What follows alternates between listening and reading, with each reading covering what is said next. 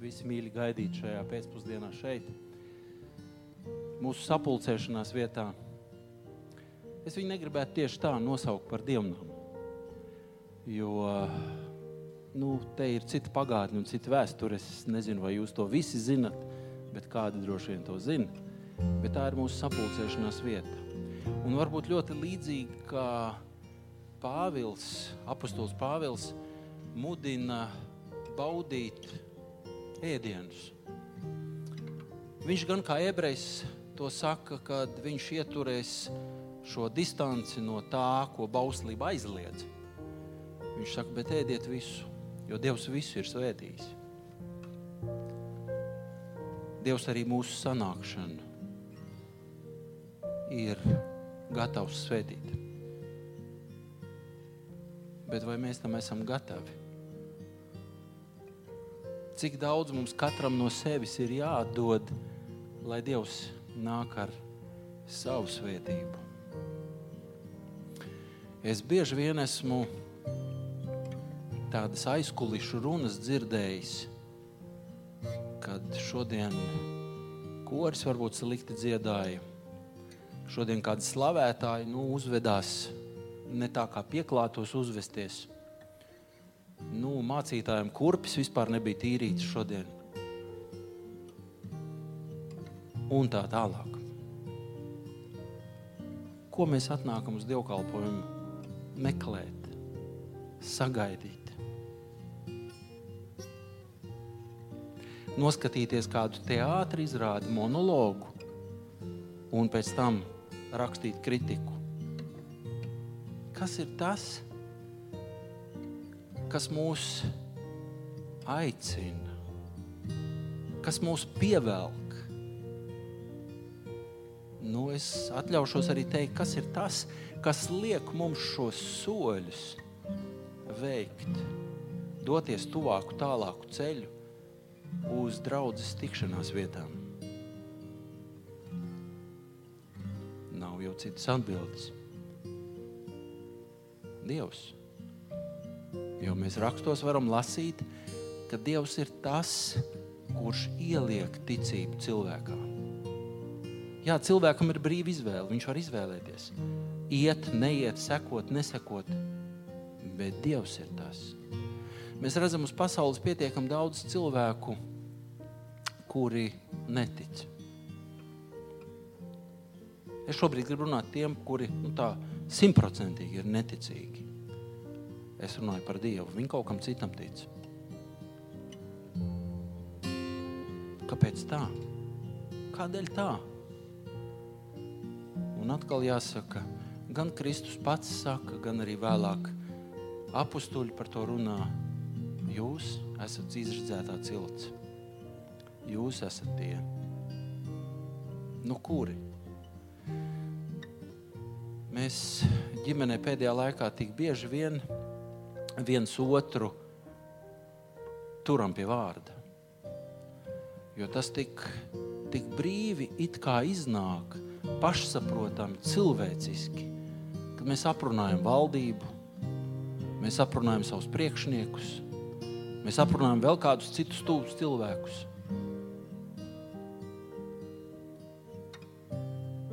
Un es kopš agras jaunības atceros šo rakstu vietu, viena, kas ir ļoti klasiska, kur apustulis Jēkabs runā par to, ja nemaldos 4. vai 5. nodaļā. Viņš saka, un neviens nenāks debesu valstībā, kas ir mēlnesis.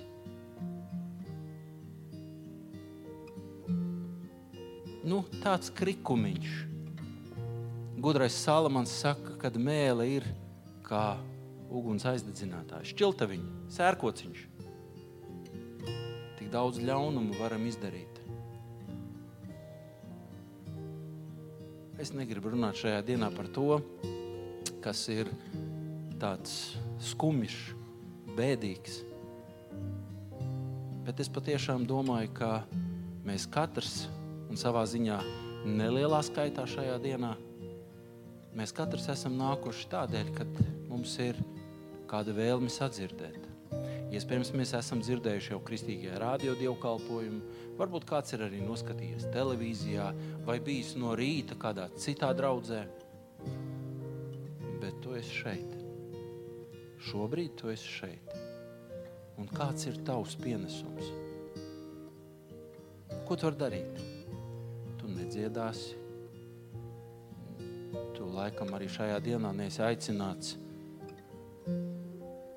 vadīt pārdomas, sludināt vārdu. Bet kas ir tas, ko tu darīsi? Vienkārši sēdēsi, klausīsies, sajūsmināsies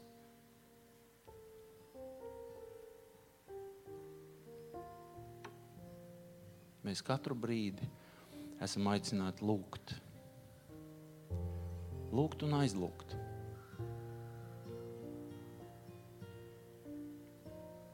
Un tādēļ šajā brīdī ir jau sešas minūtes pagājušas kopš pusdienas četriem. Bet es aicinu, ka mēs kājās piecēlušies, lūgtu. Un ne tikai es lūgšu, Es būšu tas, kurš noslēgs jūsu teiktās lūgšanas. Un es centīšos būt ļoti pacietīgs. Lai katrs, kas vēlas savu balsi pacelt Dievu priekšā, to var arī darīt. Un neaiziet mājās ar kādiem sirdsapziņas pārmetumiem, bija iespēja. Bet es nepateicos, es neaizlūdzu, lūgsim un droši. Katrs, kam uz sirds, lūdziet Dievu. Mūžīgais un augstais Dievs, Tev slavu, gods un pateicība. Tev vienīgiem tas viss pienākas. Tu, kas esi visapredzīgs, kas zini mūsu katra domas, soļus, Tevs, Tev nav nekāda noslēpuma. Un mēs arī šajā brīdī, kad stāvam lūkšanā Tavā priekšā, Mēs patiesi pateicamies par visu, ko tu mums esi dāvinājis. Par dzīvību, par iespēju dzīvot šajā valstī. Kaut tik bieži vien mūsos ielaužas rūktas domas. Tēvs piedod mums šo rūkumu un patiesi palīdz mums ar sava gara gudrību dzīvot tā, ka nevis mēs citus pamudinām uz rūktām domām, bet ka mēs citus ceļam. Ceļam un ļaujam skatīties ar pilnīgi citu skatu. Tevs, tu vari to mūsos ielikt. Ka mēs patiešām neesam kā tādi pukstētāji, bet, kungs, ka mēs esam tavas gaismas izplatītāji. Tēvs, un arī šajā dienā, kad esam šeit kopā nākuši, tad patiesi esi mūsu vidū ka tavs gars aizskar katru vienu un maina to, kas ir maināms. To es lūdzu savu kungu un glābēju Kristus vārdā. Āmen.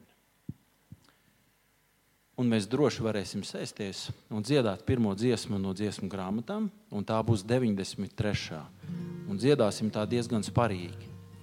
93. dziesma. Kas vēlas stāvēt kājās, varat arī palikt kājās.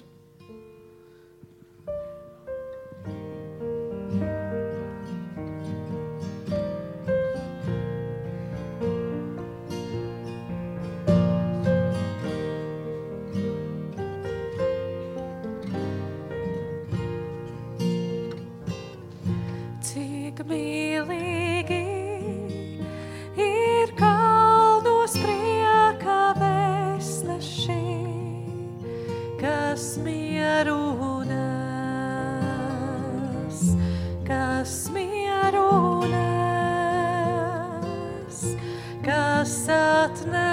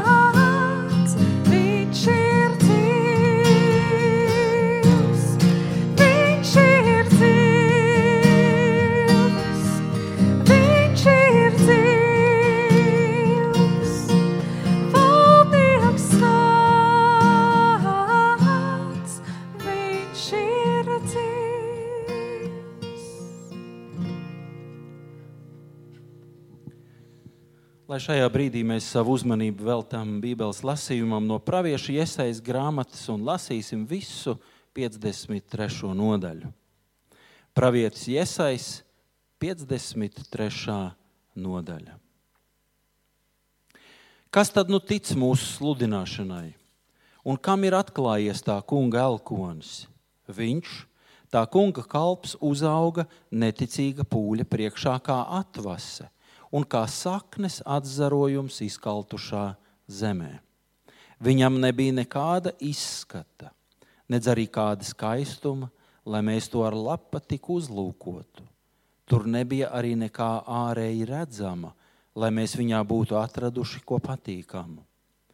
Taisni otrādi, viņš bija nicināts, labāk ļaudis no viņa vairījās, vīrs, kam nebija svešas sāpes, un kas bija norūdīts ciešanās.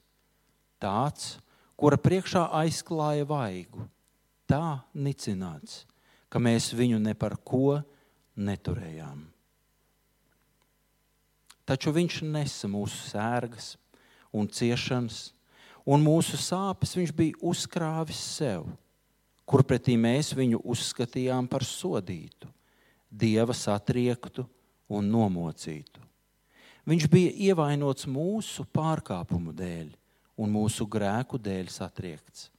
Mūsu sots bija uzlikts viņam, mums par atpestīšanu. Ar viņa brūcēm mēs esam dziedināti. Mēs visi maldījāmies kā avis, ik viens raudzījās tikai uz savu ceļu, bet tas kungs uzkrāva visus mūsu grēkus viņam. Kad viņš tika sodīts un spīdzināts, viņš padevās un neatdarīja savu muti kā jērs, ko ved nokaušanai, un kā avs, kas paliek klusa sava cirpēja priekšā. Tā viņš apklusa un neatdarīja savu muti.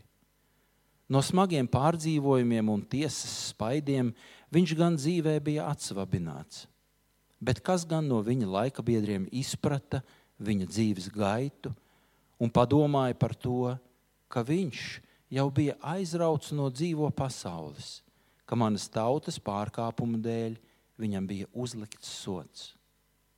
Kāpu vietu viņam ierādīja ar bezdieviem, bet savā nāvē viņš bija ar bagāto.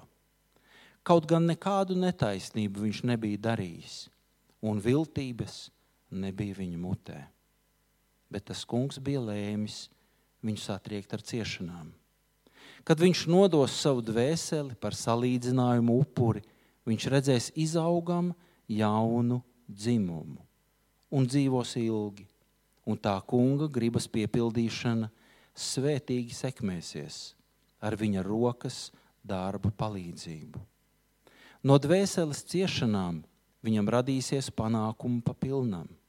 Ar savu atziņu mans taisnīgais kalps palīdzēs daudziem iegūt taisnību, uzņemdamies uz sevi viņu noziegumus.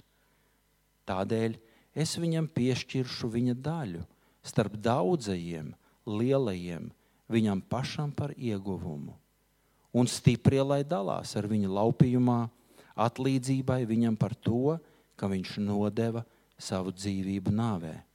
Un tika pieskaitīts ļaundariem, kad viņš nesa daudzu grēkus un aizlūdza par ļaundariem. Āmen. Tā kunga vārds.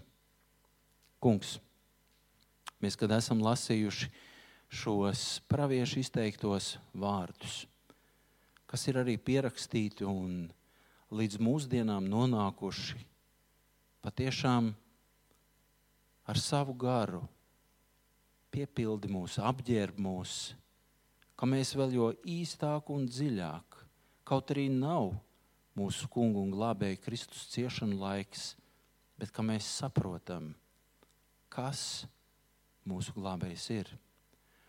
Un kādus svētkus tad mēs gaidām, ko mēs gribam svinēt, atzīmēt.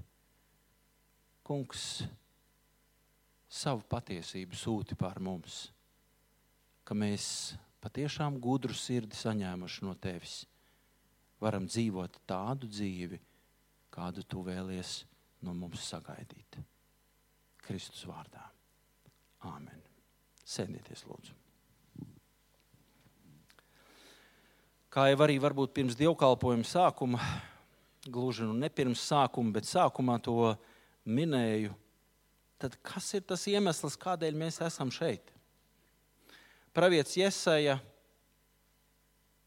vairāk kā 600 gadus pirms Kristus dzimšanas nodod savai tautai šo pravietojumu. Un viņš saka, jau no nolasītā teksta, no 53. nodaļas, no 5. panta sākot, viņš bija ievainots mūsu pārkāpumu dēļ un mūsu grēku dēļ satriekts. Pirms tam nodaļas sākumā viņš runā par to, ka nevienam nebija labpatikas mūsu kungu Jēzu Kristu uzlūkot, jo viņā nebija nekas īpašs. Kādēļ mēs esam šeit? Tādēļ, ka mūsu sirdīs ir atskanējis šis Dieva aicinājums, kad mēs kādas lietas esam sapratuši, pārvērtējuši savā dzīvēm Vai ar to pietiek? Dieva vārds dažādās versijās mūs aicina būt kā zemes sālī, kā gaismai kalna galā, pilsētai kalna galā.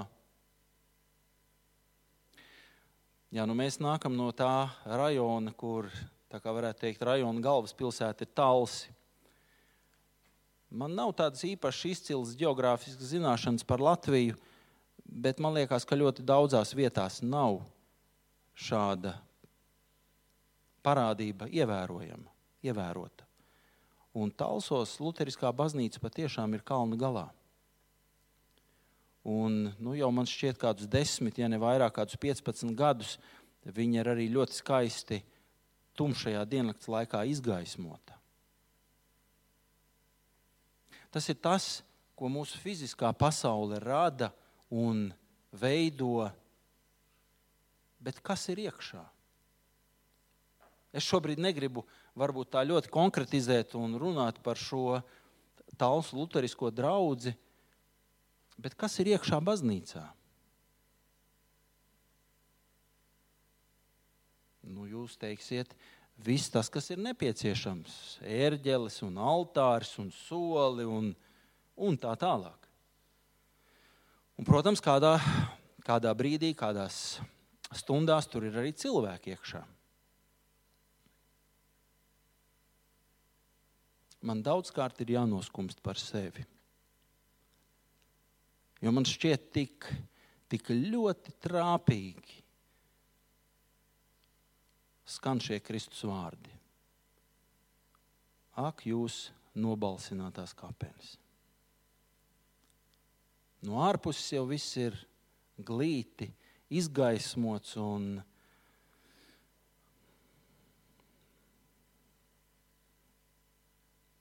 Man šķiet, ka tā ir patiesība. Es gan bieži vien ar cilvēkiem runājot, saku, ka man ir tāds, nu, tāds tā nejauks, ne, tas nav pats salīdzinājums, bet secinājums, ka mēs kā ticīgi cilvēki paši sev esam piekarinājuši ordeņus, paši sev esam uzšuvuši uzplečus. Mēs esam ticīgie. Es jau neapšaubu to, ka mēs neesam ticīgie. Bet vai tas, ko mēs cilvēkiem, sabiedrībai reizēm sniedzam, ir patiešām tā vērts, lai mē, mums būtu ordeņi, lai mums būtu uzpleči un vēl kādi citi pagodinājumi?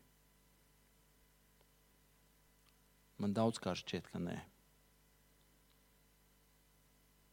Bet Kristus, par ko pravietis Iesai saka, saņems savu daļu.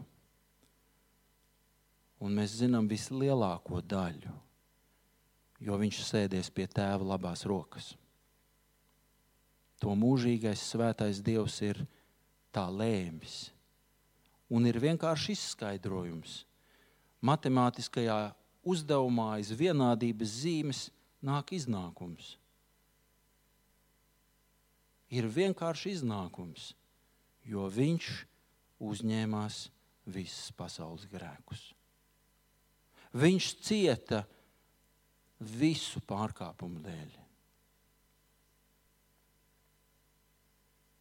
Mīļie, cik tas ir būtiski un nozīmīgi. Kad mēs nākot šeit kopā kā draugi, šeit vai kādā citā vietā, ka mēs to saprastu, ka patiešām Kristus cieta manu grēku dēļ. Un mana vieta ir šeit.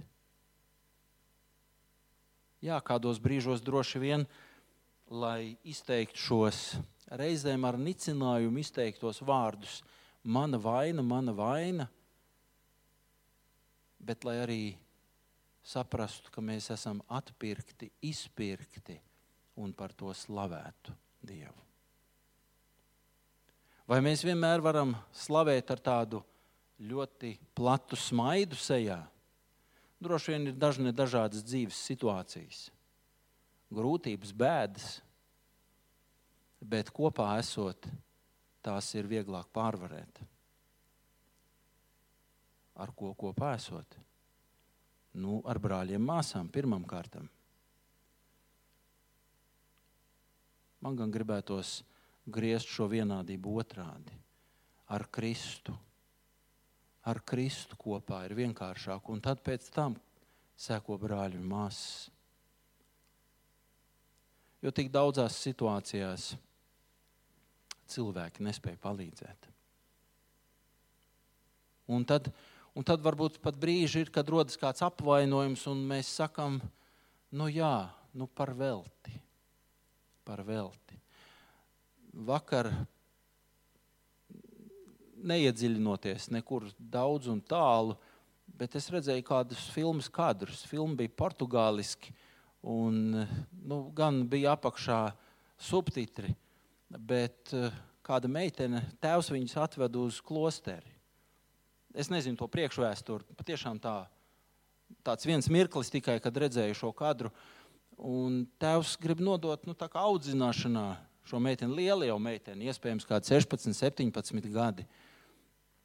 Un tur veidojās kāda saruna, un šī meitene saka tēvam, uz viņa izteikto tādu apgalvojumu, ka dieva tūmā ir labāk un dievs uzklausa un dzird.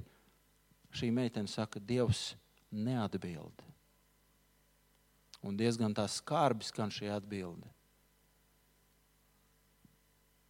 Ja bieži vien mēs kā cilvēki griežamies pie cilvēkiem, vēršamies pie cilvēkiem, tad mēs nesaņemam nekādu prātīgu atbildi. Vai Dievs vienmēr un tūlīt un tagad atbild? Noteikti, ka nē. Ir gadījumi, kad jā, bet noteikti, ka nē. mēs esam šeit kopā nākuši, lai viņu slavētu dažādā veidā. It īpaši šajā adventa laikā, gaidīšanas laikā. Par to mazliet nedaudz vēlāk. Gribu tikai atgādināt, ka tādi svarīgākie notikumi ir draudzes sadraudzības pasākums 21. decembrī. Gan jau vēl nākamajās svētdienās arī par to tiks runāts un ziņots. Man to, man to neviens nav teicis, un droši vien, ka laimdot to viņš sāks smieties. Ja jūs nepieteiksieties šodien, tad nākamajā svētdienā jau cena būs trīskārtīga. Tā kā darat visu to laicīgi. 21. decembris. Šķiet, ja es nekļūdīšos, kad teikšu šo laiku, ka pulkstenis divos, 14. pusdienas laikā, pēcpusdienā. Un tad nākamā tāda īpašā lieta, kad vienīgais Ziemassvētku dievkalpojums būs 22. decembrī. Tā ir mēneša 4. svētdiena, uz kuru arī esat katrs viens mīļi aicināti. Un, un kā vienmēr tas tiek runāts, aicināt arī savus tuviniekus, draugus, radus. Ne visi atsauksies, bet aicināt. Mūsu uzdevums ir izteikt šos vārdus. Ziedojums, kā parasti ziedojums, ir jāliek tur, kur ziedojums ir jāliek, bet ir īpašs ziedojums šajā reizē uzsaukums ir Radio Marijai atbalstam, un tur aizmugurē, nu, atkal jāsaka tā, jūs jau to zinat, lieki varbūt ir to atgādināt, un tomēr man īpaši brīdināja, lai es atgādinu, kad ir šī svētdiena tāda, kur īpaši ziedojums tiek likts Radio Marijai. Es domāju, ka mēs varētu dziedāt otru dziesmu, un tā būtu 144. dziesma. Un tad šīs dziesmas laikā arī kaut kādā, nezinu, cik tur ir pantiņi, 3, 4, 3. Nu, tad trešā pantiņa laikā varētu svētdienas skola nākt priekšā, un mēs viņus varētu tā kā bīdīt projām, jo viņi tādi maziņi ir, un viņi trokšņo sāk staigāt te pa baznīcu, un tad vai prasa mammai, man vajag zīmuli, tad vajag papīru. Aha, dažs sabijies pilnīgi ir. Jā, dziedāsim šo dziesmu, un tad trešā panta laikā svētdienas skola nāk priekšā, un mēs par viņiem aizlūksim.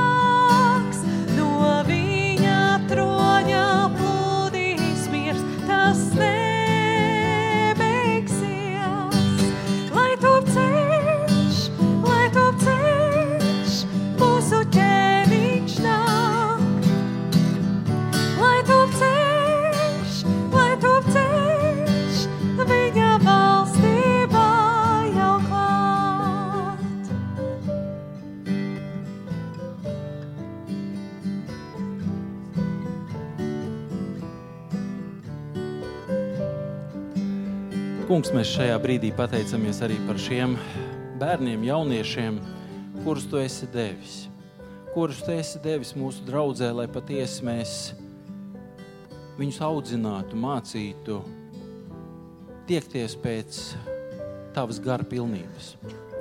Kungs, un tādēļ arī šajā brīdī, kad viņi šeit ir priekšā nākuši, mēs lūdzam ne tikai par viņiem, par viņu atvērtību šai vēstī, bet mēs lūdzam arī par skolotāju, par Lilitu, kas šajā dienā šo vēsti nesīs viņiem, dod spēku, savu gara spēku, ka viņi iegūst skaidrs acis, skaidru redzējumu. Kaut arī apkārt viņu vienaudži droši vien ļoti nicinoši šad un tad pret viņiem izturās, ja viņi kaut ko iebilst, runā, aicina varbūt uz kādām labām darbībām. Tēvs stiprina šos jaunos cilvēkus, ka patiesi viņi spēj jau no agras jaunības stāvēt stingri, pārliecībā, ticībā par tavu esamību un par to, ka tu visas lietas esi radījis un visu vēl joprojām veido un vadi.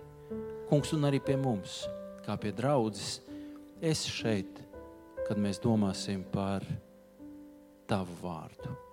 Kungs, svētī mūs! Āmen! Un dziedāsim vēl vienu dziesmu pirms mūsu pārdomām un tā būs 146.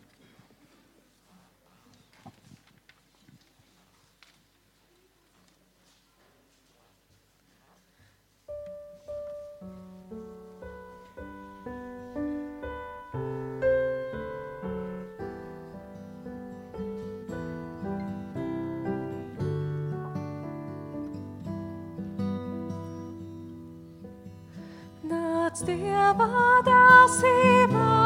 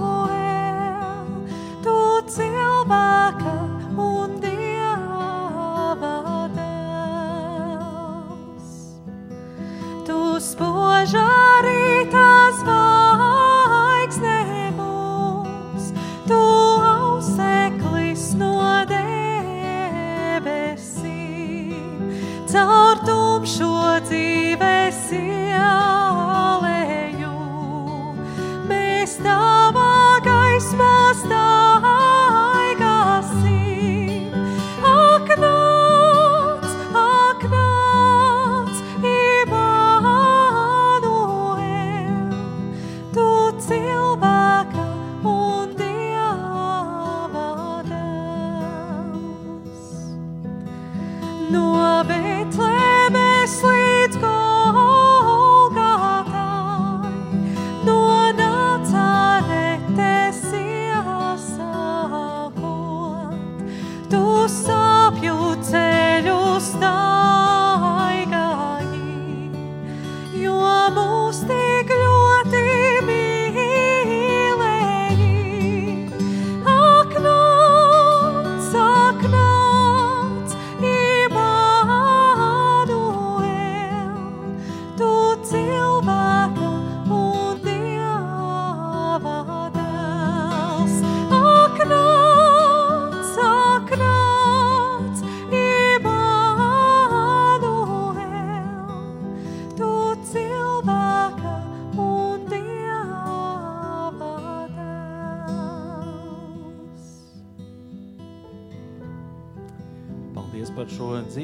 par dziedājumu. Un jūs droši varat sēsties šajā brīdī. Es pats par sevi šādu un tad domāju, ir tas salīdzinājums, ka latviešu tauta ir dziedoša tauta. Protams, gadsimteņu laikā mūsu latviskās asinis ir pietiekami spēcīgi samaisījušās. Bet vienalga mēs visi esam latvieši. Un kur paliek tas spriganums, kad mēs dziedam, nu, pieņemsim kaut vai šo dziesmu, kuru nu pat dziedājām.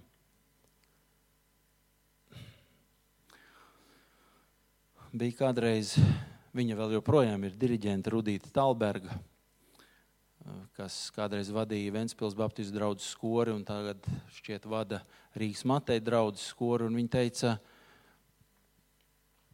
tādus skarbus vārdus – Es jums to saku, lai jūs nebaidītos dziedāt. Labāk atpestīta vārna nekā neatpestīta lakstīgala. Dziedat, dziedat, mīļie. Un vairums no mums bija klāt, kad šeit bija uzreiz aizmuka. Vārds uzvārds, katoļu priesteris, kas ļoti sparīgi mācīja mūs dziedāt. Un tā ir taisnība. Mēs reizēm tā kā tāda no invalīda mājas knapi kājas velkam. Tik gaudeni tas viss skan. Otrā adventa svētdiena. Nu, baznīcas priekšrakstos otrā adventa svētdiena ir tā, kurai virsraksts ir sagatavojiet kungam ceļu. Kā var sagatavot kungam ceļu? Nu kā? Mīļā draudzene, kā ar šādu dziedāšanu, Imānuēl, nu kā var sagatavot ceļu, apžēlojies?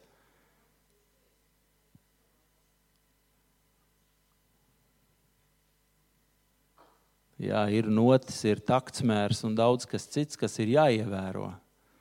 Bet tā mūsu noskaņa jau daudz ko dod.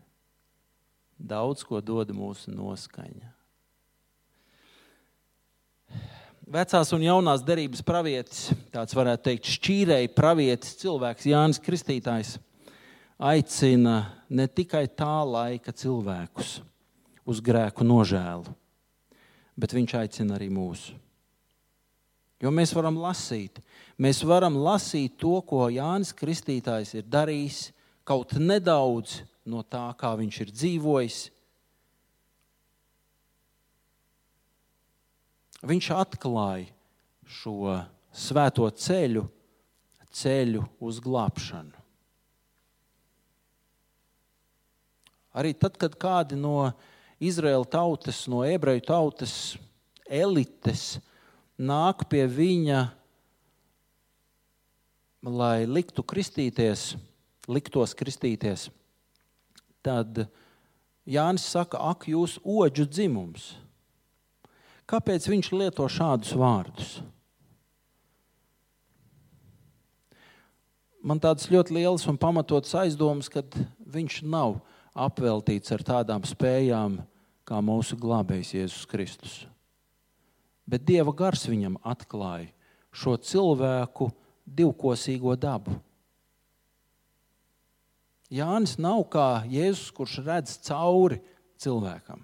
Un arī Jēzum patiesībā atklāja šīs lietas Dieva gars, Tēva gars. Bet Jānis ļoti spilgti uzstājās. Un Jānis arī šajā dienā caur šiem vārdiem runā uz mums. Sataisiet tam kungam ceļu. Mēs esam, es domāju, ka nu, lielais vairums klātesošo ir veikuši pirmo pakal, paklausības soli. Un proti, kāds tas ir?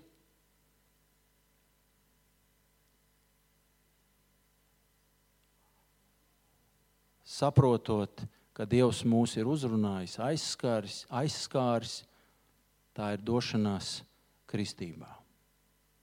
Līguma noslēgšana. Līguma noslēgšana. Jānis Kristītājs runā arī uz mani un tevi. Sataisiet tam kungam ceļu, nožēlojiet savus grēkus, tiekat brīvi no tā. Mēs zinām, būtu lieki atgādināt, ka Kristītājs, Jānis Kristītājs ir tas, kurš ir Kristus priekšgājējs un kurš saka šos vārdus, kad viņš nav cienīgs pat kurpju siksnas, sasiet, atsiet tur lejā pie kājām, kur ir zemes ceļa putekļi, viņš pat tik daudz nav cienīgs. Mēs kā latvieši bieži, bieži vien sakam, kādās situācijās, kad mums ir kauns, mēs aiz kauna gribētu zemē ielīst. Iespējams, ka Jānis Kristus priekšā tieši tāpat jutās. Un tad viņam nebija cita salīdzinājuma. Viņš saka, es neesmu cienīgs, bet viņš aicina. Viņš aicina uz grēku nožēlu, uz ūdens kristību, uz šo aktu, kas cilvēkiem parādītu šo vēlmi. Es vēlos dzīvot citādāk. Jānis Kristītājs ir tas, kas pasludina šo jauno laikmetu. Kad ļaunums vairs nepastāvēs, un zeme būs piepildīta ar dieva pazīšanu. Mēs varētu ilgi domāt un diskutēt par šīm divām vārdu kopām, kad ļaunums vairs nepastāvēs un zeme būs piepildīta ar dievu pazīšanu. Par abām divām mēs varam teikt, šobrīd nekas no tā nav piepildījies. Varbūt gadiem ejot, piepildīsies. Un pēc daudzām tādām parādībām mēs redzam, ka daudz kas jau notiek, ko Bībele pravietojumos, caur pravietojumiem mums atklāja. Šodien mēs varam teikt, ļaunums pieņemas spēkā. Mēs nevaram teikt, ka ļaunums vairs nepastāv zemes virsū. Ļoti ļoti spēcīgi ļaunums pieņemas spēkā. Vai mēs varam teikt, ka, dieva, ka zeme ir piepildīta ar dieva pazīšanu? Kaut kādā mērā jā, bet vai simtprocentīgi? Protams, arī latviešu tautā atrodas tādi indivīdi, kuri saka, es par dievu neko neesmu dzirdējis. Man gan gribētos teikt, ka neticiet šādiem vārdiem. Bet, protams, man ir jāpieļauj arī otrais variants, ka cilvēks nav dzirdējis. Esot tā saucamajā kristīgajā sabiedrībā, ir ļoti grūti iedomāties un saprast to, ka kāds nebūtu dzirdējis. Es gan nezinu, vai ir vairāk, bet es vismaz zinu, ka šobrīd ir divi kristīgi Eh, radio, tātad Radio Marija un Latvijas Kristīgais radio. Ir daudz un dažādi izdevumi, grāmatas, kur mēs varam lasīt. Es neesmu tāds ļoti liels Džoisas Maieres fans, bet man liekas, ka katru dienu eh, šie dievkalpojumi tiek translēti. Viņi vispār tika translēti LNT kanālā, laikam. To aiztaisīja. Nu, nezinu dievkalpojumu svētdienās. Vai tā varētu būt? Bet tā jau ir, tā jau ir savā ziņā mūsu problēma, ka mēs varbūt šiem cilvēkiem esam pagājuši garām un neesam neko teikuši. Ja mēs domājam par sagatavošanu, par ceļa sagatavošanu tam kungam, tad es gribētu izvirzīt trīs tādas sadaļas - samierināšanās, izlīkšana un atvērtība svētā gara darbībai. Mēs katrs droši vien šos izrunātos vārdus uztversim atšķirīgi. Un arī man, domājot par šo pirmo sadaļu, par samierināšanos, jau ir, kā latviešu valodā mūs mācīja, apakšpunkti A un B. Es gribētu sākt mūsu pārdomas risināt ar to, kā tas bija tajā laikā, kad Kristus nāca zemes virsū. Un vēlos lasīt Grieķu pareizticīgās baznīcas izdotās Bībeles tulkojumu tieši konkrēti par šo notikumu, kas ir aprakstīts Lūkas evanģēlīja otrajā nodaļā. Jūs zināt, kas ir aprakstīts Lūkas evanģēlīja otrajā nodaļā? Tūlīt paskatīsimies. Dažam labam jau ir telefons, tātad interneta pieslēgums, meklē Lūkas evanģēlīju, dažs šķirsta. Lūkas evanģēlijā ir aprakstīts otrajā nodaļā, ka ķēzars Augusts izdeva pavēli pierakstīt visus iedzīvotājus viņu deklarētajās dzīves vietās, dzimšanu vietās. Un tad Jāzeps ar Mariju dodas uz Betlēmi, un tur norisinās Ziemassvētku notikumi. Lūk, grieķu pareizticīgās baznīcas tulkojums par šīs Lukas evanģēlīja otrās nodaļas 9. pantu. Nu, nevis saka, bet viņi tulko šādi šo pantu. Un kunga eņģelis krita uz viņiem, un kunga godībā viņi tika iekļauti, un viņi ļoti baidījās. Ir atšķirības ar to tekstu, kur mēs zinām, vai nav. Nolasīt mūsu latviešu tekstu. Un tā kunga eņģēlis pie tiem piestājās, un tā kunga spožums tos apspīdēja, un tie ļoti bijās. Kaut kas tā kā ir, kaut kas nav. Man ļoti iepatīkās šis grieķu tulkojums. Nu, protams, arī tad, ja cilvēkiem kaut kas piestājās nemanot, viņi arī sabīstās. Bet man liekas, to situāciju ļoti spilgti raksturo tieši šis vārds. Un kunga eņģelis krita. Un man atkal ir jāsaka, bieži vien latviešu valoda tiek nu, nevajadzīgi nopāļāta, ka nevar izteikties. Ja grib, vienmēr var izteikties. Un latvieši teiktu tā, nu tā kā sniegs uz galvas. Tā kunga eņģelis krita uz viņiem. Nu, tā kā sniegs uz galvas. Viņi neko tādu nebija gaidījuši. Jūs varat iedomāties šo situāciju. Ka nevis tā maigi, mīlīgi kāds piestājās un sāk ar jums runāt un, un uz kaut ko aicināt, bet nu, tā kā sniegs uz galvas, eņģelis. Jā, protams, ar savu, nu, gribās teikt, tā dievišķo spožumu. Un tajā un kunga godībā viņi tika iekļauti. Kas tā par kunga godību? Dieva gara klātbūtne. Mīļie, tik vienkārši. Jo, ja tā nebūtu dieva gara klātbūtne, viņiem tur būtu izvērsies teoloģiskais strīds. Kaut gan gani nebija teologi, bet arī viņiem bija jāapmeklē sinagogas, un arī viņiem līdz 12 gadu vecumam zēniem bija jāiziet Toras apmācība.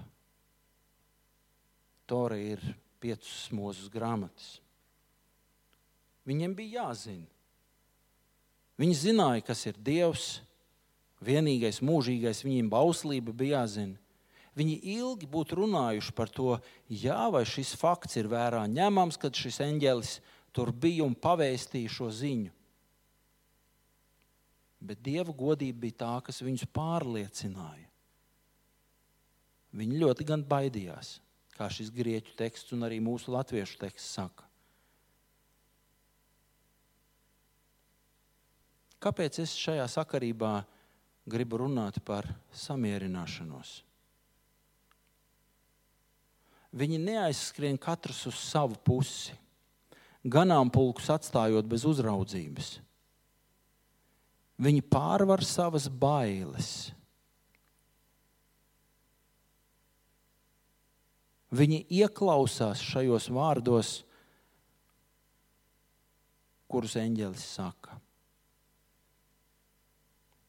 un eņģelis to apstiprina kādā citā grieķu tulkojumā. Desmitais pants, Lūkas evanģēlīja otrās nodaļas, desmitais pants. Un jūs baidāties no manis. Eņģelis redz šīs ganu sajūtas, šo izbīli.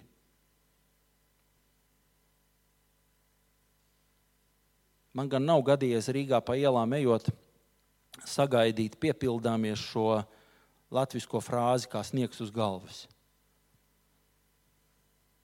Bet es domāju, tas es tā ilustrēju. Tas pirmais moments droši vien būtu, ka mēs būtu tā kā zemē iemieti, ja mums tas sniegs uzkrist uz galvas. Gani bija zemē iemieti, iedzīti tā kā sētas stabi. Jo tas eņģēlis tur nokrita viņu vidū. Tā godība viņus apņēma, viņi bija mēmi. Jūs baidāties no manis.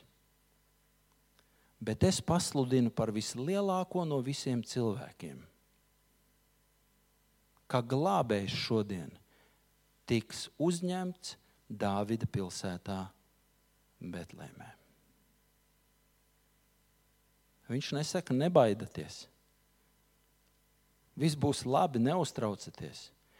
Viņš tiešā tekstā saka, jūs baidieties no manis. Nu, tas nekas, bet es pasludinu. Es jums lieku to dzirdēt. Nu, laikam jau bija viņu starpā arī kādi neticīgie tomi. Un 15. pantā mēs varam lasīt arī kādu citu grieķu tulkojumu.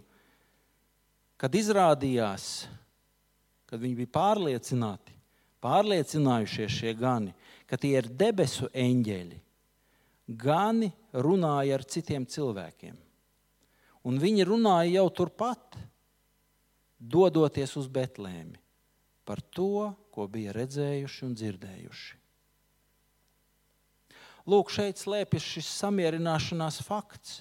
Kaut arī viņi bija izbijušies, pārbijušies, bāli aiz bailēm.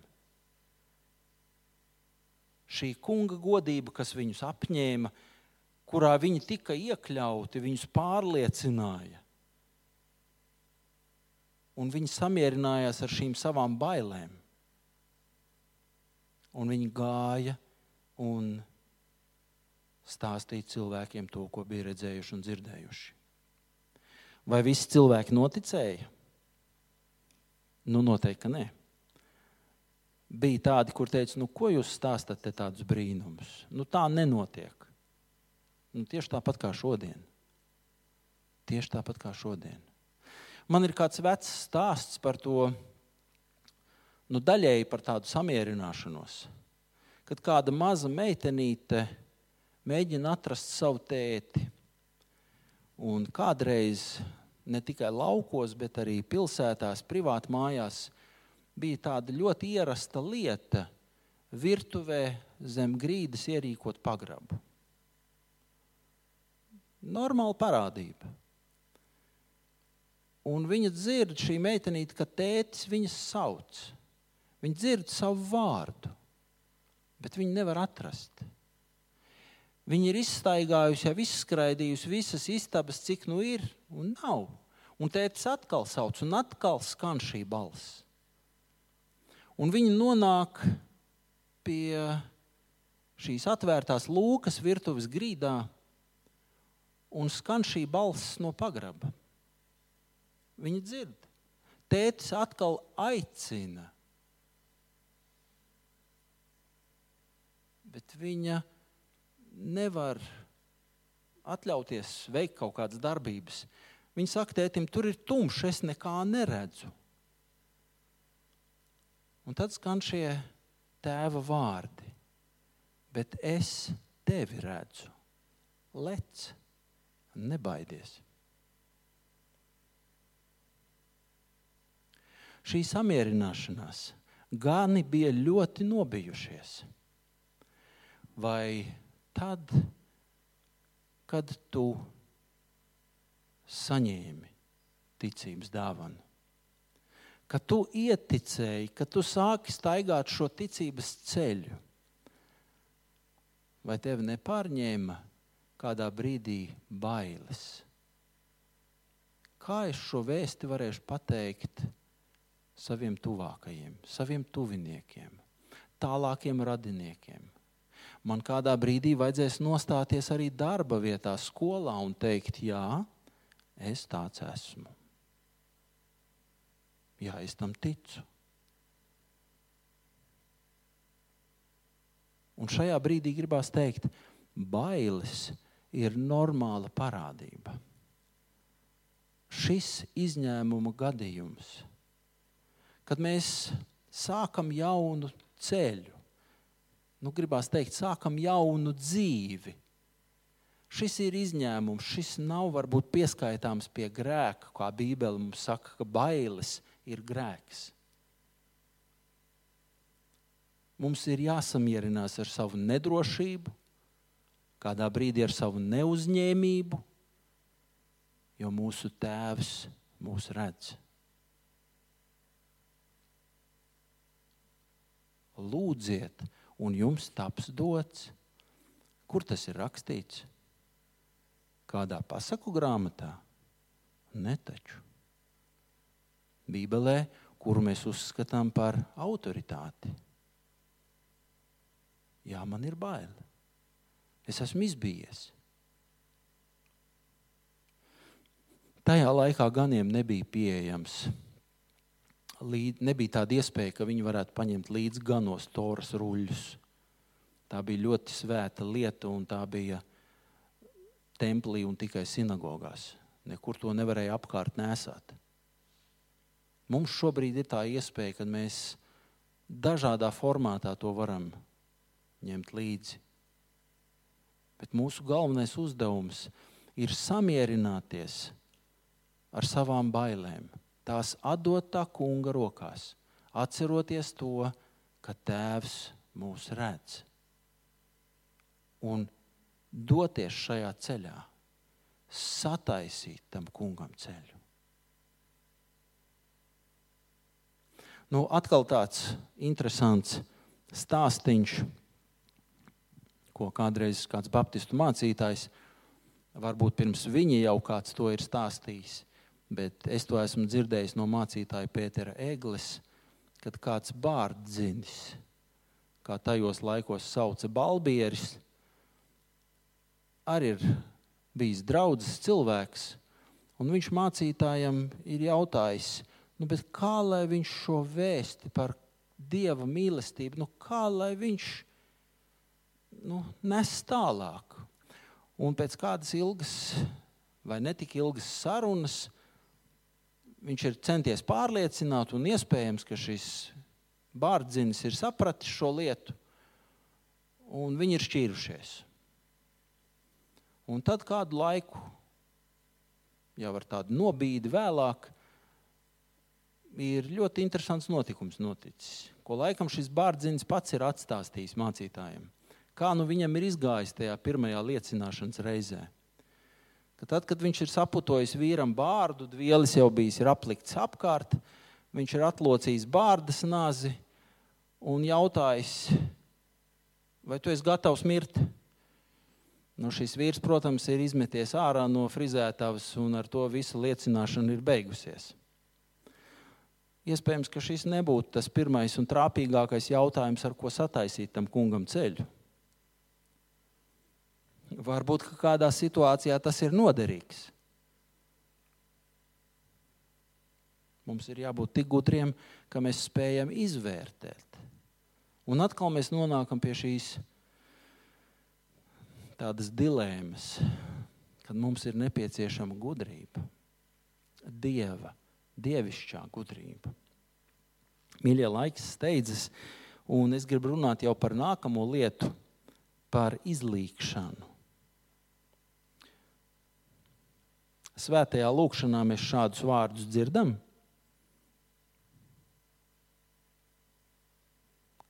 Kāpēc jūs klusējat? Šī nav vecbaznīca, kur klausītājiem nav brīvi runāt. Piedodiet, un jums tiks piedots. Izlīkšana.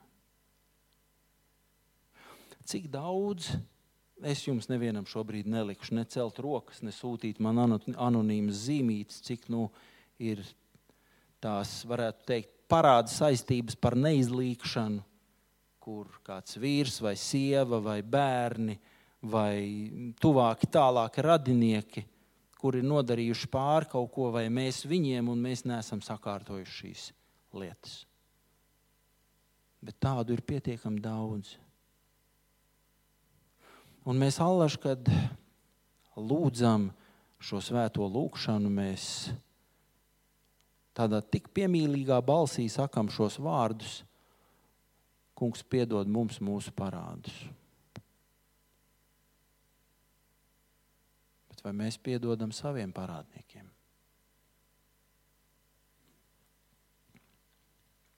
Teksts jau gan nav par Kristus dzimšanu, bet vēlos lasīt Lūkas evanģēlīja 15. nodaļas pantus, sākot no 18. panta. Zināms notikums. Lūkas evanģēlijas 15. nodaļa, sākot no 18. panta.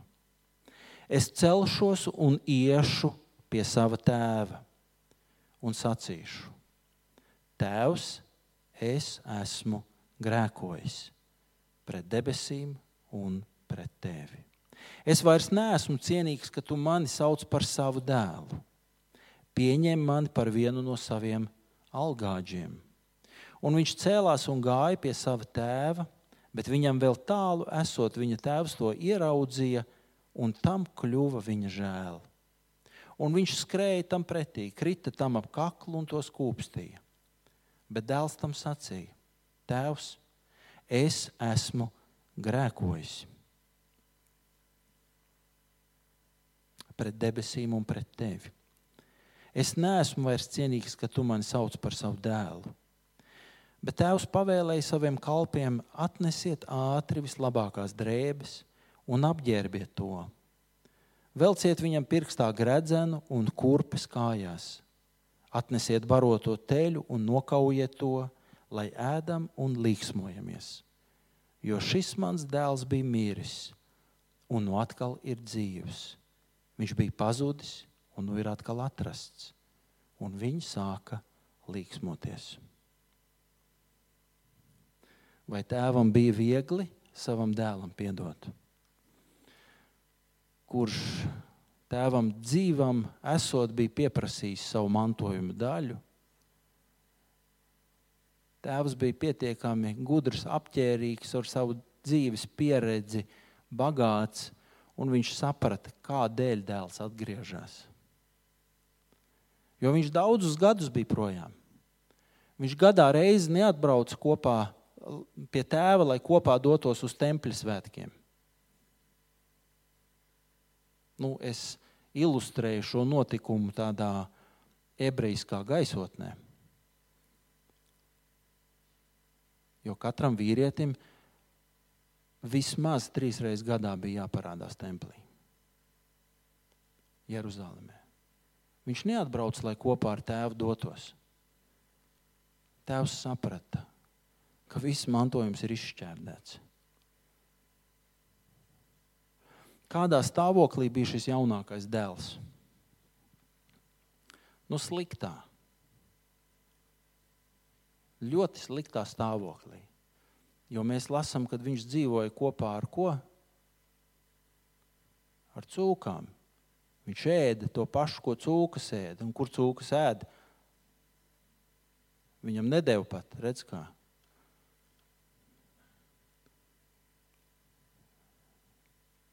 Viņš bija ļoti sliktā stāvoklī.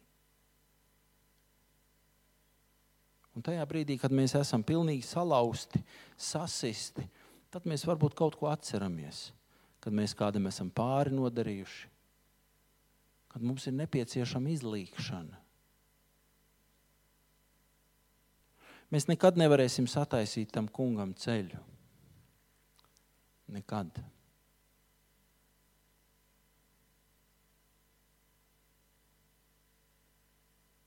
Es biju nodzīvojis jau diezgan krietnu laiku šajā pasaulē. Man bija 38 gadi. Kad vienkārši bija kāda vajadzība, kad es paņēmu gavēni, un es nezināju, cik ilgs būs šis gavēnis. Bet bija jau otrā gavēņa diena, kad es biju daudz lasījis un domājis Bībeli, pārdomājis Bībeli. Un es sapratu, es vairs nevaru telpā sēdēt. Es apģērbos ārā lieja, diezgan spēcīgs lietus, bet es apģērbos un devos pastaigā gar jūru.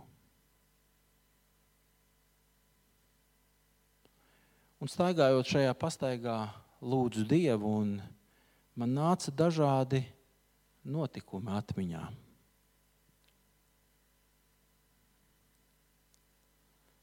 Un vissāpīgākais bija tas, kad nāca atmiņā, nu, man cilvēcīgi domājot, nāca atmiņā notikumi, kurus es nekā vairs nevaru izmainīt. Jo otrs cilvēks, kurš šajos notikumos bija iesaistīts, bija jau mūžībā. Es nevarēju vairs iet pie savas vecās mammas un teikt, piedod. Piedod, es nezinu, kas tas bija. Es nezinu, kāpēc es tā darīju un kāpēc es ilgstoši tā darīju.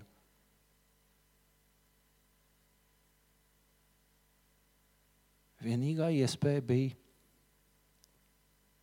šo salīdzināšanu iegūt caur Dieva mīlestību un Kristus žēlastību. Es ilgi staigāju ilgi lūdzu, raudāju.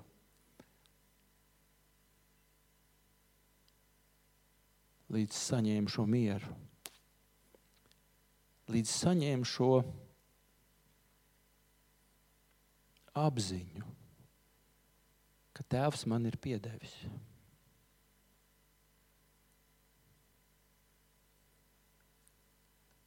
Šajā stāstā par pazudušo dēlu tas varbūt notiek ļoti tā ātri. Tēvs redz, atgriežamies dēlu, viņš steidzas pretī, viņa apkampjās. Tēvs pasaka savu, dēls pasaka savu, izsaka savu nožēlu. Tēvs to pieņem, dēls tiek nomazgāts, apģērbts un ir svētku galds. Bet nevienmēr tas tik ātri notiek. Bet, lai sataisītu tam kungam ceļu, mums ir jāizlīgst. Citas iespējas nav. Jūs varat man teikt, ka es pārāk kariķēju dziesmu, kuras vārdus pieminēju, kā mēs viņus izdziedam, bet tur jau var būt visa ir tā mūsu nelaime. Kad ir lietas, kuras nav nokārtotas un ar kurām mēs neesam tikuši galā. Kuras velkās mums līdzi kā tādas konservbuļģis. Es atceros šo bērnu dienu grāmatu par pifu. Arī tur viņu bērni iznēroja un sasēja pie astes konservbuļģus auklās.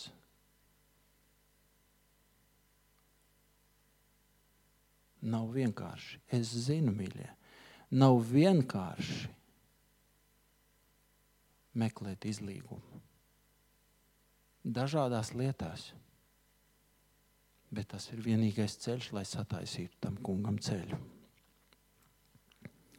Trešā lieta, noslēguma lieta, par ko vēlos kopīgi ar jums runāt un domāt, ir atvērtība svētā gara darbībai. Un jau pašā sākumā mēs par to nedaudz domājām, kādi mēs atnākam uz dievkalpojumu. Ko mēs vēlamies saņemt, ko mēs vēlamies iegūt? Nu, visi jau ļoti apzinīgi teiks, ka mēs vēlamies iegūt tādu stiprinājumu, dieva gara klātbūtni. Un tad, nu, kad jau atstāsim šo vietu, lai nākamajā nedēļā viņš dod mums spēku stāvēt, stipri stāvēt ticībā. Nu, protams, tā tas arī ir, un es to neapšaubu. Bet vai vienmēr mēs atnākam uz baznīcu sagatavojušies, uz dievkalpojumu sagatavojušies? Kad kalpoju kuldīgā, mums visu draugu pārstāvjiem izveidojās ļoti draudzīgas attiecības. Un mēs visi draugu mācītāji reizi mēnesī tikāmies apmēram uz kādām divām, trim stundām pie tējas, pie kafijas un pārunājām, ko mēs varētu darīt pilsētas labā. Kā mudināt, veicināt cilvēku attiecības ar Dievu. Mums bija tā ļoti lielā privilēģija tajā laikā, kad mēs bijām otrā pilsēta Latvijā, kurā aiz liepājas, kurā pie pilsētas domes bija reliģisko lietu konsultatīvā padome. Viņā nebija nekādu juridisku spēku. Mēs no domas nekādu naudu savai darbībai neprasījām. Ja nu vienīgais kādiem pasākumiem, kur lūdzām viņus atbalstīt mūsu.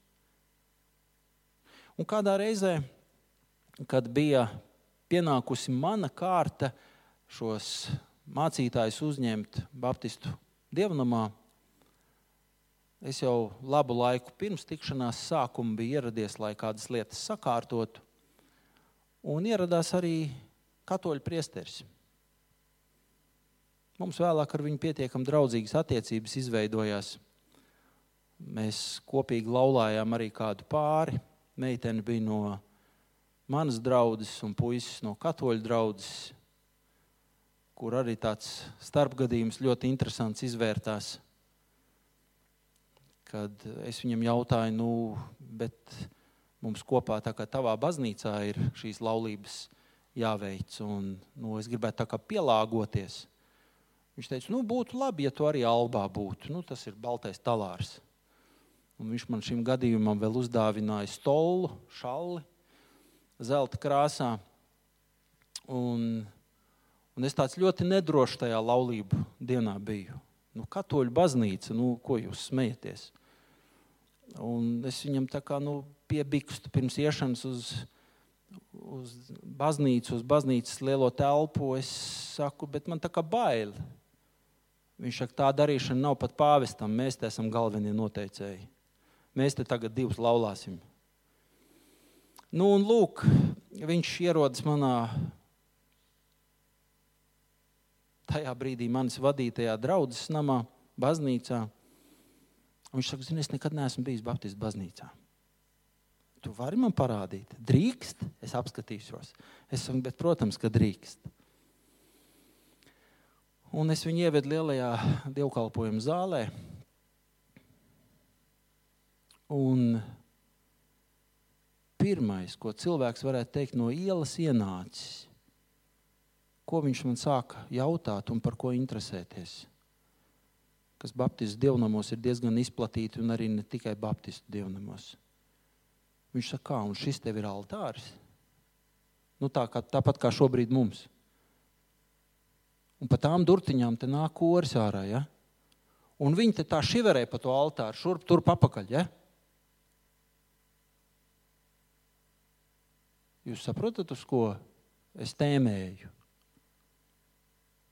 Viņš teica, bet tu, tu nozāģē tam altārim galu nost un uztaisīji tur tādu eju, lai koris nu, pa altāru nestaigā, lai viņš staigā nu, pa leju, tur pa grīdu.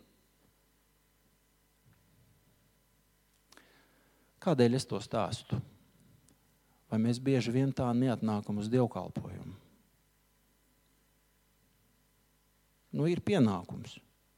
Un mēs to darām. Un tas nevarētu teikt, ka tas ir slikti. Bet vai mēs atnākam uz dievkalpojumu, at, dievkalpojumu atbrīvojušies no visa liekā un patiešām kā tādi, kā tādi atvērti trauki ar lūkšanu, ar domu, kungs, lej iekšā. Lej iekšā, kamēr, kamēr līst pāri. Tā kā tur bija pravietim Elijam tas notikums, kad viņš lūdza pie šīs nabaga atraitnes un nebija trauku vairāk. Bija un bija tā eļļa, un viņa atnes visu, un Elija, stop, Elija sniedz roku, nu vēl. Un šī sieviete saka, nav vairāk. Visi, kas bija mājās, visi jau ir atnesti. Nav vairāk. Atvērtība svētā gara darbībai.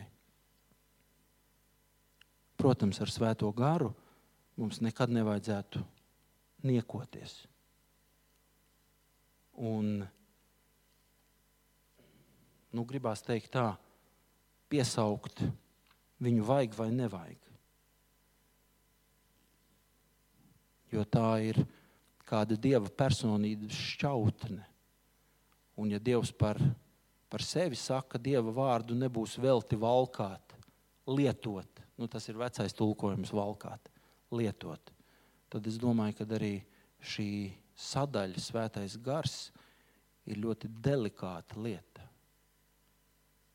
Bet mums nevajag arī no tā pārmēram baidīties.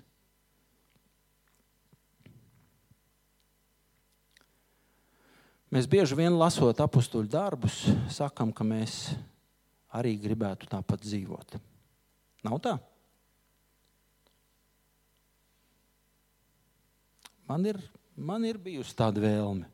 Un es domāju, ka es neesmu nebūtu īpašāks cilvēks kā jūs. Kāpēc? Tāpēc, kad ja mēs lasām apakstuļu darbu grāmatas otro nodaļu, tad mēs varam izlasīt to notikumu, kā svētais gars nonāk zemes virsū.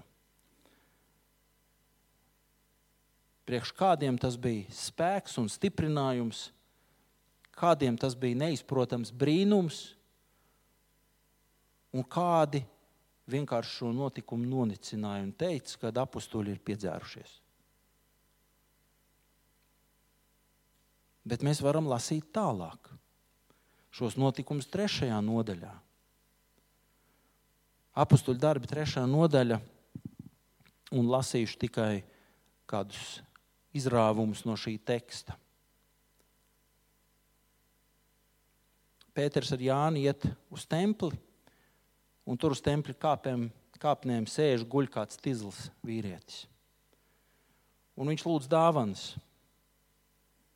Un ko Pēters atbild? Sudraba un zelta mums nav, naudas mums nav, bet mēs tev varam iedot to, kas mums ir. Vai viņiem bija? Viņiem nebija. Tā ir atvērtība svētā gara darbībai. Un tad, kad šis izlaists, kroplais, invaliditātes apņemtais cilvēks, kad viņš, mēs lasām tālāk, 3. nodaļā no 11. panta, viņam pie Pētera un Jāņa turoties, visi ļaudis izbijušies saskrēja pie tiem tā sauktajā Salamana ailē. To redzēdams, Pēters uzrunāja ļaudis, Izraēlieši, ko jūs brīnaties par to, un ko jūs skatāties uz mums? it kā mēs paši ar savu spēku vai dievbijību būtu panākuši, ka šis staigā. Lasot šo tekstu, liekas tik vienkārši. Bet tas jau patiesībā nemaz nav tik vienkārši. Ļauties šai svētā gara darbībai.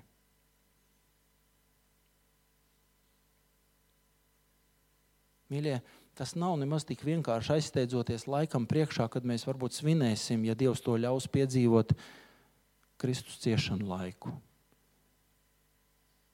Tas nebija tik vienkārši Kristum nonākt šajā mocekļa situācijā, izdzīvot tai cauri. Tas nav tik vienkārši sabiedrības priekšā, kaut arī neliela kolektīva priekšā nostāties un atbildot uz kādiem izaicinošiem un ķecerīgiem jautājumiem, teikt, jā, es ticu Dievam. Tas nav nemaz tik vienkārši, kā to darīja Stefans vai Stepiņš, kur viņš apliecināja šo farizēju raksturmācītāju priekšā Dievu, kur viņš apliecināja, ka viņš tic, ka Kristus ir augšām cēlies. Un viņi par to nomētāja ar akmeņiem. vārdiski uz papīra mēs varētu uzrakstīt nezinu ko. Un atkal jāsaka, kā latvieši mēdz teikt, papīrs pacieš visu.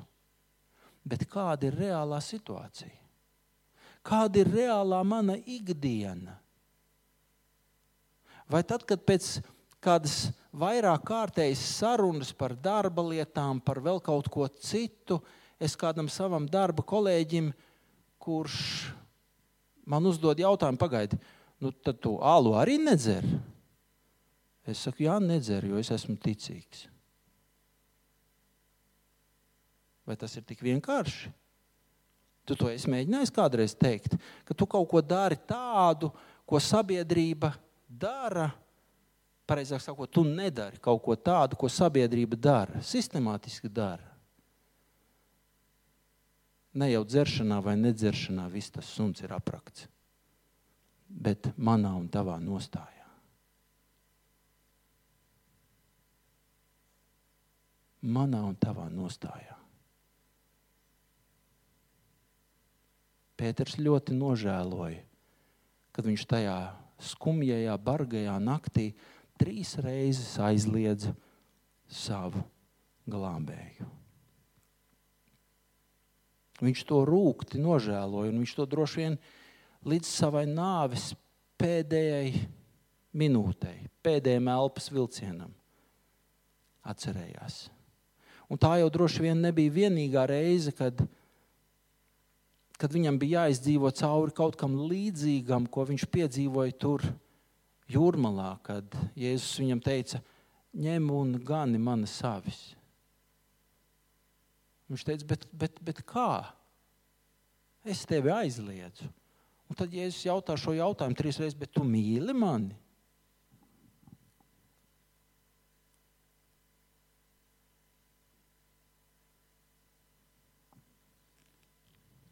Patiesība jau ir ļoti vienkārša. Spuldzītes, kas ir sakarinātas, ne, nu jau vairs ne tikai eglēs, bet uz visādiem kokiem, pie visiem mājas stūriem, kas nenoliedzami ir varbūt krāšņi. Kaut reizēm jāsaka ļoti bezgaumīgi, bez nekādas saprašanas bet šīs spuldzītes jau nesagatavos tam kungam ceļu. Mēs jau šeit nākot esam par to, lai mēs paši un sabiedrība, kas ir ap mums, sagatavotu kungam ceļu. Mēs kā gani šo vēsti esam saņēmuši. Un nu mēs steidzamies, steidzamies uz Betlēmi stāstīt cilvēkiem. Bet vai nav tā, ka mēs kaut kur pusceļā esam apstājušies? Nezinu, varbūt vienkārši apsēdušies, atpūsties. Kas nemaz jau tik slikti nav. Jo cilvēkam jau atpūta ir nepieciešama.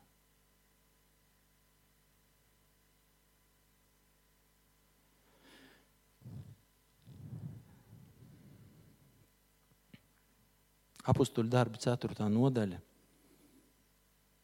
sākot no 1. panta. Apostoliem uz ļaudīm runājot, pienāca priesteri, tempļa sardzes priekšnieks un saduķēji. Sadusmoti par to, ka viņi ļaudis mācīja un sludināja Jēzu augšām celšanos no mirušiem. Tie satvēra viņus, Pēteru un Jāni, un turēja apcietinājumā līdz rītam jo bija jau vakars. Bet daudz ļaužu, kas šos vārdus bija dzirdējuši, ticēja, un viņu skaits bija ap pieciem tūkstošiem vīru. Nākamajā dienā viņi sapulcējās viņu vadoņi, vecāji, raksturmācītāji Jeruzalemē. Tāpat arī augstais priesteris Anna un Kajafa, Jānis, Aleksandrs un visi, kas bija no augsto priesteru cilts.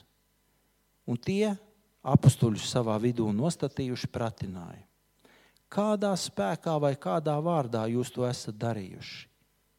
Tad Pēters svētā gara pilns tiem sacīja: Tautas vadoņi un vecāji, ja mūs šodien pratina labu darbu dēļ, ar ko šis neveselais cilvēks ir dziedināts, tad lai jums visiem un visai Izraēla tautai ir zināms, ka šis stāv vesels jūsu priekšā nācerieša Jēzus Kristus vārdā, ko jūs esat situši krustā, bet ko Dievs uzmodinājis no mirušiem.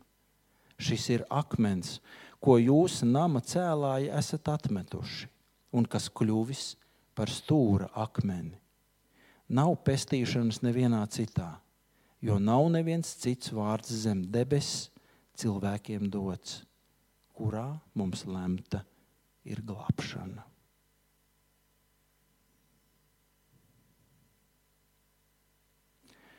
Pēc šī varbūt netik interesantā ceļojuma, pārdomu ceļojuma, es gribu teikt, ka otrā adventa svētdiena ir tā, kas mums liek domāt par dažādu lietu mainīšanu. Jā, par šo samierināšanos, par izlīkšanu, izlīkšanu ar tuvākajiem, par atdošanu, par palīdzēšanu. Mēs droši vien šo sarakstu varētu turpināt. Kādiem no mums adventa laiks ir kluss laiks, kurā, kur, kur mēs gaidām, pienākam Kristus dzimšanas svētkus. Kādiem varbūt tā ir nebeidzama skriešana, galvas sāpes, jo radu pulks ir pietiekami liels un, lai katram kādu nieciņu sagādātu, ir jādomā pirmkārt, kur naudu dabūt, kur visu to atrast un kad vēl to visu nodot. Mēs četru svētdienu garumā dedzinām sveces. Turoties pie vecā labā adventas ieraduma, katru svētdienu pa vienai svecei klāt. Mēs skatāmies uz šīm sveces liesmiņām. Tās iemirdzās, tās ir tik siltas, mīļas, patīkamas nu, kuram gan nepatīk izslēgt mākslīgo apgaismojumu un pasēdēt sveču gaismā. Kaut ko pārdomāt, kaut ko atcerēties. Bet tas ir tikai tāds simbolisms, kur mēs katrs varam atrast savu vietu. Cik tālu mēs tajā simbolismā ejam iekšā, cik mēs to praktizējam. Patiesībā Šis viens no baznīcas gada laikiem ir laiks, kur varētu nosaukt meklējumi sevī. Laiks priekš sevis. Priekš sevis individuāli, priekš ģimenes, arī priekš draudzes. Daudzkārt ir atskanējis šis tāds brīdinājums, aicinājums. Nedzīsimies pakaļ pasaules spožumam.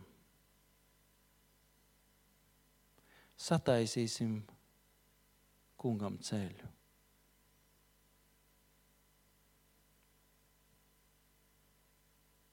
Tas ir arī mans vēlējums šajā, šajā svētdienā un visā turpmākajā laikā lai mierīgs ir šis svētku gaidīšanas laiks.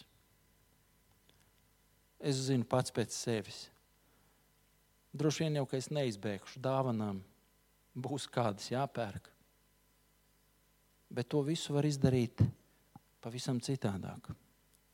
Ar pavisam citām sajūtām, ar pavisu, pavisam citu tādu noskaņojumu. Uz ko jūs, jūs aicinu? uz tādām bēdīgām sejām, ka tagad mēs tā staigāsim sabēdājušies. Nē. Jo pats galvenais ir, ka mēs gatavojamies mūsu kunga un glābēja dzimšanas atcerēji. Tas jau ir tas galvenais.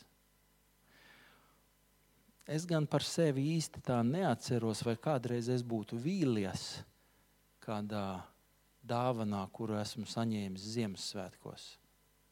Ak, jā, vienreiz jau jauneklim būdamam man bija vilšanās.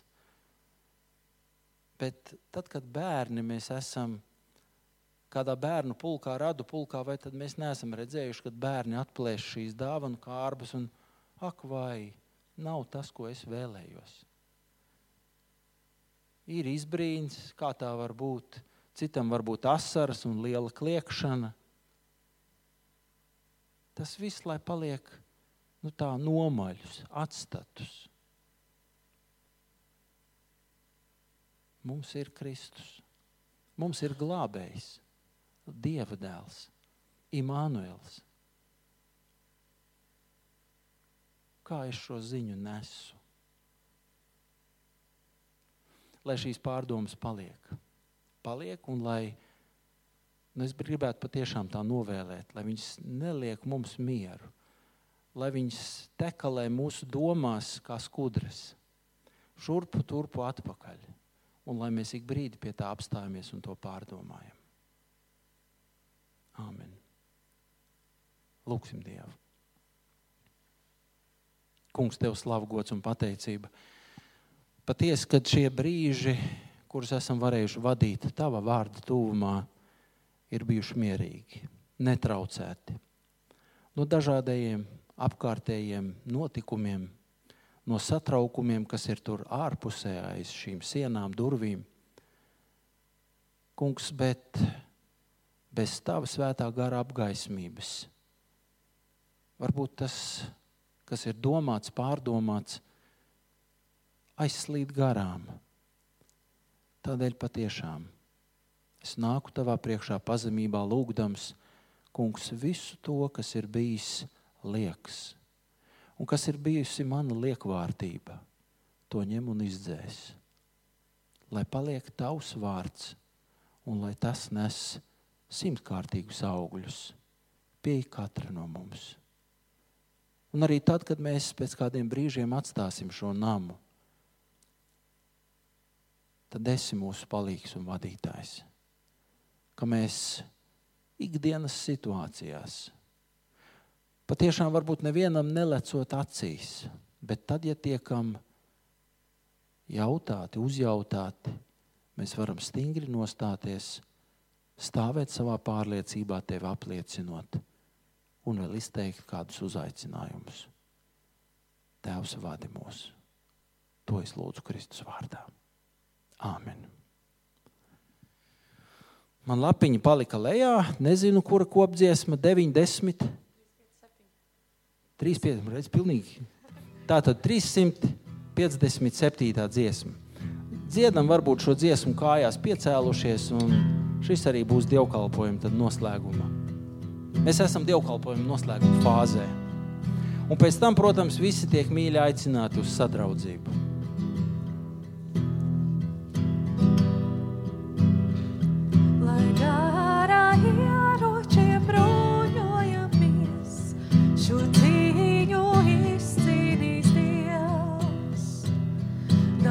Pretspēka, kas var mūs iznīcināt, šo cīņu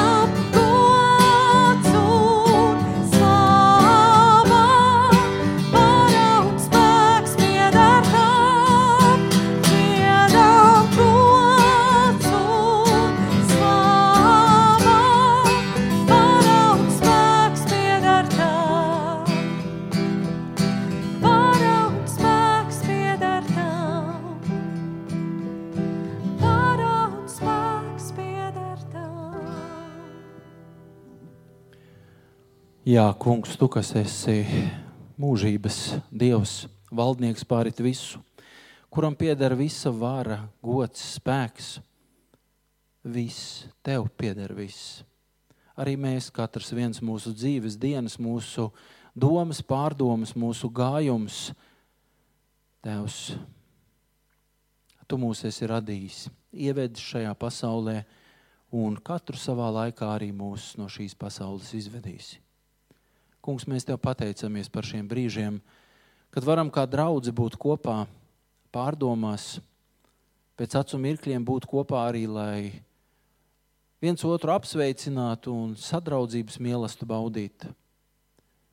Bet viss tas bez tavas klātbūtnes nav nekas. Varbūt patiešām, kā tavs apustulis Pāvils reiz teica, ka viss, kas ir šeit, ir niecība. Būt kopā ar tevi, tas ir vislielākais iegūms. Palīdz mums tiekties vai kā Pāvils saka, dzīties tev pakaļ. Tev Dievs tuvāk. Kungs, mums ir tik ļoti nepieciešama tava klātnība, tava vadība. Paldies par mīlestības un žēlastības laiku, kurā varam dzīvot. Bet, kungs, mēs nevēlamies tavu roku atlaist, vadi mūsu. Un dieva miers, kas ir augstāks nekā visu cilvēku saprāšana, lai ir un paliek ar jums vienmēr. Āmen!